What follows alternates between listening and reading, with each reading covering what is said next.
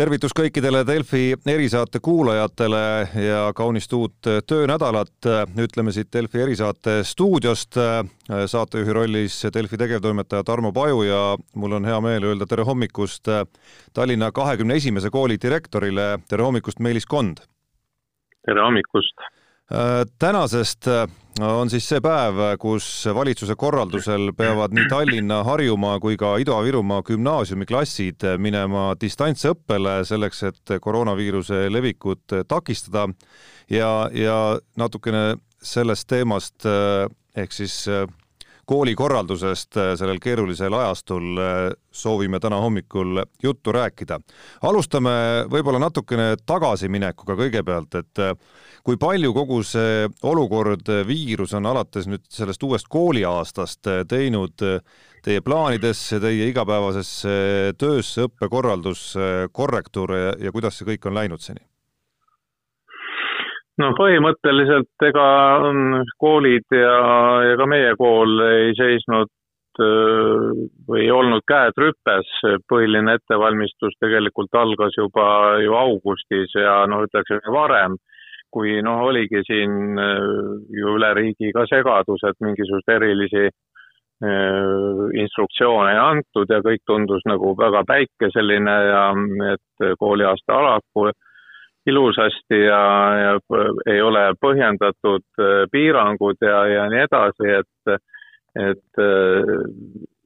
seda me mäletame väga hästi, kus siis äh, Tallinna koolid said ka hurjutada, kui küsimus oli hajutamisest ja Tallinna linn ja, ja kui rõõmsalt Terviseamet ja, ja, ja muud spetsialistid teatasid, kuidas lastele ei levi ja, ja muud sellised sellised toredad asjad.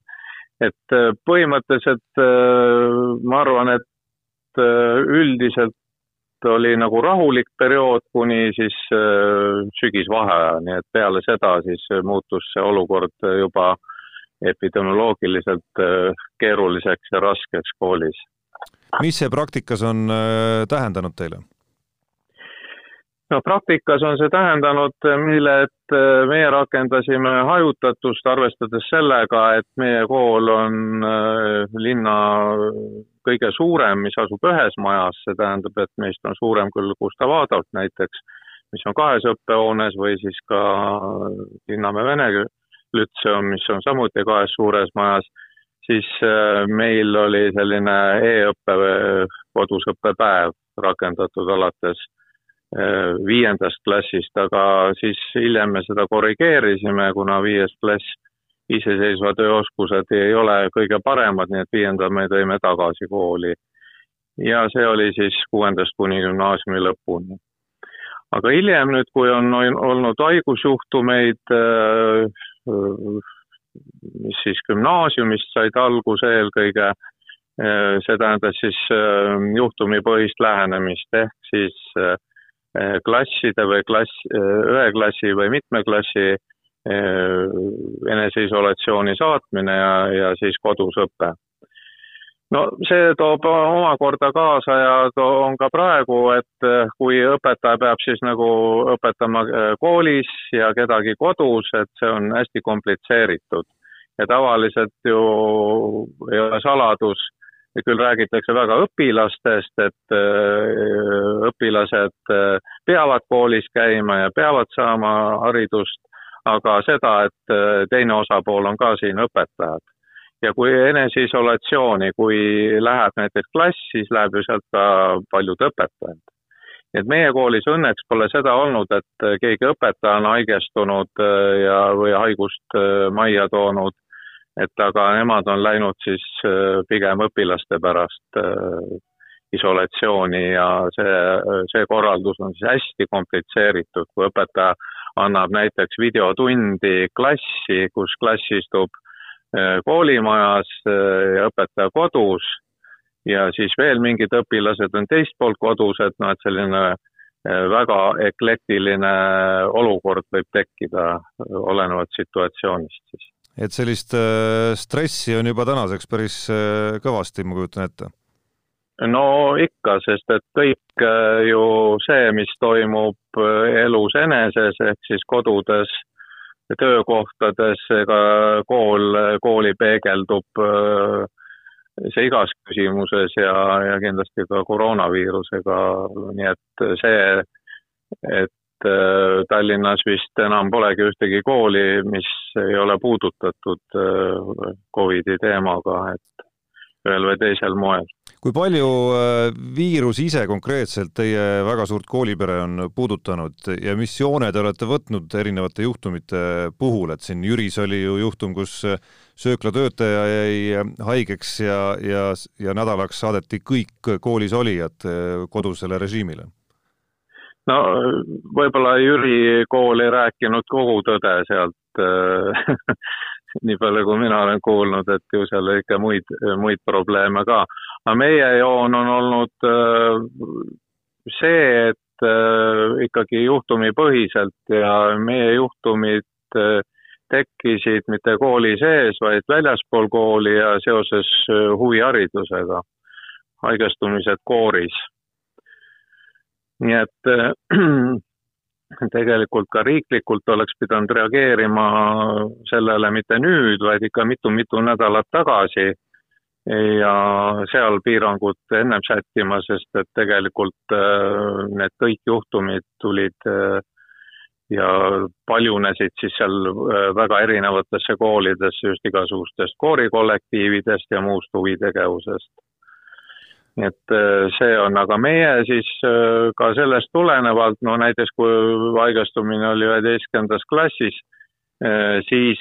see mõjutas ka tege-, A-klassis, siis see mõjutas ka teisi klasse, sest et meil mõned ained on ka lennuülesed ja, ja, ja seetõttu noh, olukord tähendas ühest õpilasest väga paljudele mõju avaldas ja no viimasel ajal ähm, on olnud paar juhtumit ähm, ja ma ütleks, et gümnasistid olid äärmiselt vastutustundlikud selles mõttes, et kui neil oli, siis see teade tuli meile väga kiiresti ja väga kiiresti meie saime ka tegutseda. sest et tol perioodil, see on, ütleme, kuu aega tagasi ja veel seal paar nädalat tagasi, terviseameti reageerimine oli väga pika sellise nädal hiljem ja, ja seda aga meil, meie pidime ju saatma klassi isolatsiooni samal hetkel ja samal päeval, näiteks kui saime hommikul pool seitse teada, siis ka juba äh, kella kaheksaks, kui koolipäev algab, olime pidanud ju õpilastele selle teate saatma, et ärge tulge kooli. Äh, ja no nüüd jah. ja, jätkake. aga nüüd on tekkinud selliseid olukordi, äh, siin ühe neljanda klassiga oli see teema, et näiteks äh, lastevanemate vastutustundetus, kus näiteks esmaspäevane päev, lapsevanem ise läheb testima, ju siis tal mingid sümptomid või kahtlused olid, samal ajal saadetakse laps koju teisipäeva hommikul saab ta testi tulemuse teata, teatavaks, siis tea-, laps on muidugi ka koolis ja siis tema helistab kooli, et tal on positiivne tulemus, et laps tulgu koju nüüd. ja selle tulemusel pidime ära saatma terve klassi, aga päeva jooksul jõudis see laps käia ka veel tunnis, teatris ja trennis õhtul et, äh, et see näitab, et äh, mida selline äh, mõtlemis- või tegutsemisviis võib, milliseid tulemeid võib koolile tuua. Kui nüüd õppest endast rääkida, et, et tundub ilmselge, et siin lähematel aegadel, kui mitte selle õppeaasta lõpuni, kes seda täpselt oskab öelda, et siin distantsõpe kui nähtus ei kao ilmselt kuhugi, et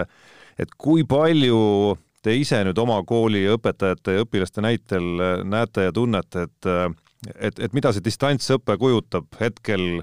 on see, on see haridus, mis, mis läbi distantsõppe tuleb, äh, natukene kehvem, oluliselt kehvem või, või on seda võimalik ka juba sama kvaliteetselt anda ja saada? no see on selline kindlasti mitme, mitme otsaga küsimus, et kindlasti siin väga absoluutselt õiget vastust ei ole,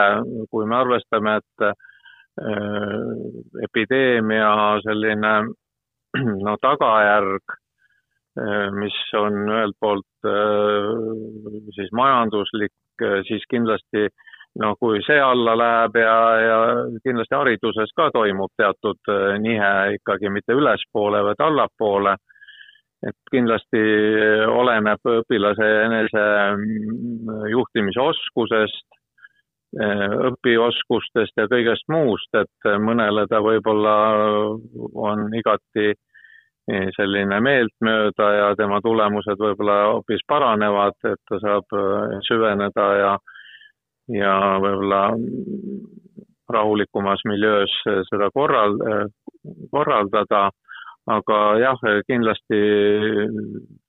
eks neid uurimisi ja uurimusi kunagi tulevikus palju tehakse, aga võib-olla selles mõttes gümnasistil on see enesejuhtimise ja regulatsiooni oskus parem, et tema peaks teoreetiliselt paremini hakkama saama alati on ka koolil ju ja võib-olla isegi suurem on see sotsiaalne pool ja psüühiline pool, kus äh, suhtlemine ja, ja muud, muud äh, asjad siia juurde kuuluvad, nii et kool kui sotsiaalne asutus, et ta ei ole ainult õppeasutus, et äh, see kindlasti jääb ka vajaka. et kindlasti siin päris sellist päris sellist öö, otsest vastust ei ole, aga noh, kindlasti algklassides öö, distantsõpe on äärmiselt probleemne ja problemaatiline. Te mainisite enne siin sellist versiooni, kus õpetaja on ise isolatsioonis olles kodus, osa klassist on klassiruumis, aga osa klassist on siis ka veel oma kodudes, mis iganes põhjustel, et et, et vähemalt tehnoloogiliselt tundub, et et oleme ikkagi eh, nii-öelda nagu uues sajandis, et, et asjad on tehtavad ikkagi? no nad on tehtavad minimaalselt, sellepärast et jah, need ütleme siis suhtluskeskkonnad, meie kool kasutab Teams keskkonda, aga no see eeldaks ka teoorias, noh, kui vähemalt klassis toimuks ülekanne niimoodi erinevatesse siis ka palju kvaliteetsemat konverentsitehnikat või midagi sellist, aga no ütleme sellises minimaalses veebikaamera ja dokumendikaamera kaudu kindlasti ta ajab asja ära, aga kindlasti mitte, mitte nüüd kõige paremas kvaliteedis, aga see oli ka meie üks prioriteet, et ette valmistada distantsõppeks kõik need paar kuud, et Teams keskkonnakoolitused ka väikestele koolijuttidele ja õpetajatele uuesti üle korrata ja need võimalused, nii et tegelikult me oleme selle nagu sellise ettevalmistusega võib-olla rohkem tegelenud kui võib-olla siin mingisugused muud elualad. ja meie koolis ka kindlasti, sest et need märgid, et teine laine kindlasti ka tuleb, olid ju olemas, need, see on mingisugune saladus. No üks, mida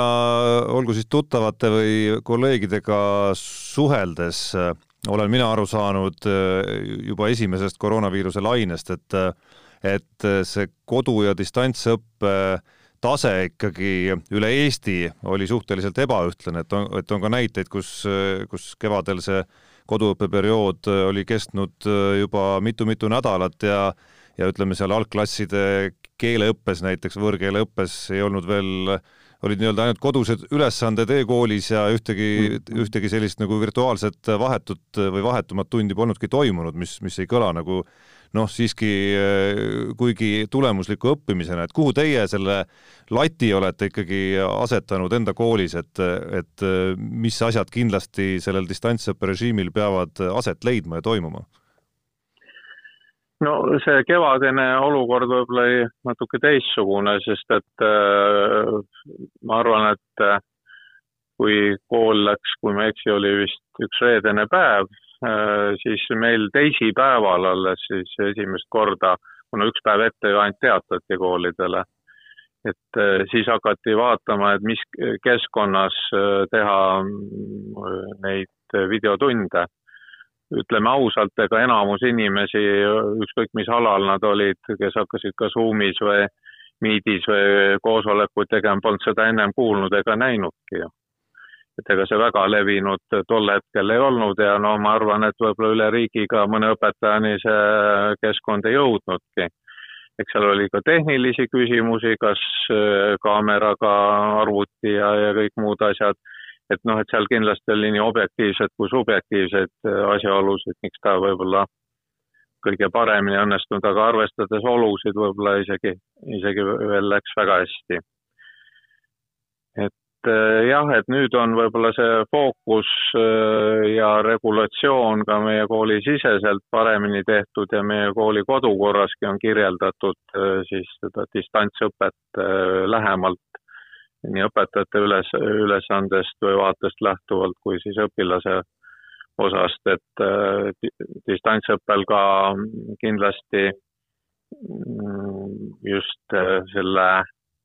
videotundide osakaal, aga seal on ka see doseerimise küsimus, et kui me ekraani ees oleme, siis äh,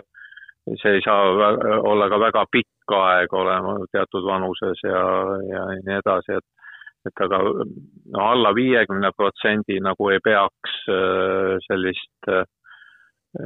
mitte videotunde olema, et aga,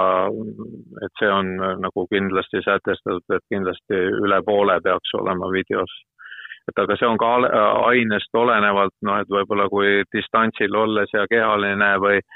või, või muusika, et oskusained, et siis seal võib-olla ei ole mõistlik, aga võib-olla matemaatika peab isegi sada protsenti olema. Äh, tulles nüüd tänasesse päeva ja, ja selle muudatuse juurde, mis tänasest algab, äh, et Tallinnas, Harjumaal ja Ida-Virumaal gümnaasiumides äh, kuni kümnenda jaanuarini vähemalt on siis valitsuse korraldusega distantsõpe kehtestatud. mis tundega te ise selle uudise vastu võtsite, kui see siin nädal-poolteist tagasi selgeks sai? no eks siin sellised äh, nagu võib üleüldiselt vaadata, eks sellised vastandlikud tunded on, et ühelt poolt, et äh, see samm võib-olla oleks isegi pidanud olema varem, aga teisalt, kui me vaatame seda meedet nagu kompleksis äh, teiste meetmetega, siis ta jääb nagu selliseks äh, naljakalt üksikuks seal. Sest samal ajal ju needsamad huvikoolid, trennid, spaad, kuhu noh, seesama gümnasist saab ilusti maanduda ükskõik mis ajal. et, et need kõik on ju lahti, et noh, et sellist noh, võib-olla esmapilgul süsteemset lähenemist meetmetesse siin nagu ei, ei saa aru, et ja võib-olla, nagu ma eespool ütlesin, meie juhtumidega minul ka seda tervet pilti päris ees ei ole. et äh, meie juhtumid olid seotud huviharidusega, et võib-olla siis oleks pidanud operatiivselt seal toimuma sellised sulgemised ja ja kahe-kolmenädalased pausid või et aga et need on nagu sellised tagantjärgi tegevused ja tarkused, vähemalt äh, nii paistab koolimajja no Irja Lutsar on siin ka öelnud, et et tema jaoks natukene tekitab hämmeldust selles mõttes, et meil jah, koole siin sulgeme, aga restorane näiteks ei, ei, mitte eriti, et ja Tallinn siin ka ikkagi üritas valitsuselt mingeid erandeid enda kohta enda piirkonna ja erinevate koolide kohta saada, tõsi, vist rohkem mõttega venekeelsetele koolidele, kus eesti keele õpe ja selle kannatamine oli, oli kuidagi teema, aga äh, ma saan aru, et te, te natukene jagate neid kõhklusi ikkagi. No selles mõttes jaa, et äh, võib-olla siin äh, oleks, äh, kui, kui see meede oleks kompleksis teiste meetmetega ja võib-olla siin tuleb käsitleda ka põhikooli vanemat astet, nagu Helsingi on nüüd teinud hoopis madalamate haigusnäitajate juures, aga seal ei ole ju kool eraldi seal on ka muud meetmed kõrval. aga mis meetmed meil kõrval olid, mask oli see teine meede, kui noh, nii-öelda utreeritud läheneda või siis vähend-, vähened, vähendatud äh, inimeste arv teatris või kinosaalis, aga Soomes on ju äh, Helsingi piirkond on ju võtnud vastu otsuse need asjad kõik kompleksselt vaadata läbi, et, et see on no kui potis suppi keedad, siis ei saa ju ühes poti otsas tead ühte asja ja teis, teises teist, et noh, nad peaksid nagu koos mõjuma võib-olla. et kui võtta loogikat siin mängu, et siin ei pea olema mingisugune epidemioloog, kes noh, ainukesena nagu au ja mõistus ja südametunnistus peaks olema, aga siin peaks nagu loogikaid rohkem võib-olla mõtlema, et seetõttu võib-olla jah, see koolimeede on selline, selline poolik meede. no veidi ja... on, veidi on siin ka õpilaste enda seast tulnud äh, sellist nagu pahurat, äh, pahurat vastukaja sellele, et eriti üheteistkümnenda klass, või tähendab, ütleme siis nüüd, nüüdsed abituriendid, need, kes kevadel juba kannatasid äh, üheteistkümnenda klassi õpilastena, et ja sealt on kõlanud siis hääl, et, et nad kuidagi äh, saavad nagu kõige, kõige suurema löögi kogu selles äh, koroonaloos enda peale? jah, kindlasti on see tõsi ja tegelikult ka õpilased on sedasama asjaolu nimetanud, äh, et ähm, kui muud, muud alad ja muud elu, elu toimub nagu nii-öelda suht aktiivselt edasi, et, et noh, et siis see on küsimus, et, et noh, et miks siis nemad, et võib-olla see gümnaas-, gümnasistide või selle vanema eagrupi haigestumine oli ka nüüd sellises nihkes, et see oli juba ka nagu mingid paar-kolm nädalat tagasi võib-olla see massilisem haigestumine, et, et võib-olla need olud on muutunud, kui me vaatame meie kooli spektrit ka, siis on sinna all, allapoole üksikjuhtumeid tulnud, aga need ei ole ka ju kuskilt koolist, need on ikka kodust, vanemad, lapsevanemad töölt või jumal teab kust äh, juhtumid pärinevad. kui veel äh, lõpetuseks küsida, te intervjuu alguses ka viitasite sellele, et õpilastest on väga palju juttu, aga et õpetajatest on äh, palju vähem, et lõppkokkuvõttes, kui me nii-öelda tervise poole pealt vaatame, siis õpilased üldjuhul riskirühmas ei ole, aga õpetajatest väga paljud ikkagi on, et et kuidas nemad hakkama saavad, kas, kas ka teil koolijuhina äh, on ikkagi äh, prioriteet number üks võib-olla ikkagi just see, et, et hoolitseda õpetajate eest ja selle eest, et, et neil kõik tervisega eelkõige hästi oleks? eks see on kindlasti, et noh, et pigem siin Terviseameti mõni funktsionär äh, võttis äh, kõvasti sõna, et kuidas õpetajad on toonud viiruse majja ja, ja, ja siis hurjutas seal õpetajaid hoopis eks siis ega siis õpetaja seda ka meelega ei toonud ja tegelikult, kui me vaatame ka õpilaste haigestumisi, siis need praktiliselt on kõik asümptomaatilised ja juhuslikult isegi testitud ja, ja nii edasi, et et kindlasti siin on, võib-olla siin veel tasuks mõelda üle riigi, niikaua kui vaktsiini ei ole, et võib-olla õpetajate laustestimisi korrata siin ja, ja viia neid läbi, et seda ennetada aga kindlasti õpetajad on eesliini töötajad ja noh, siin kui on öeldud, et kuskil mm, seal kassas ka kohtub inimestega,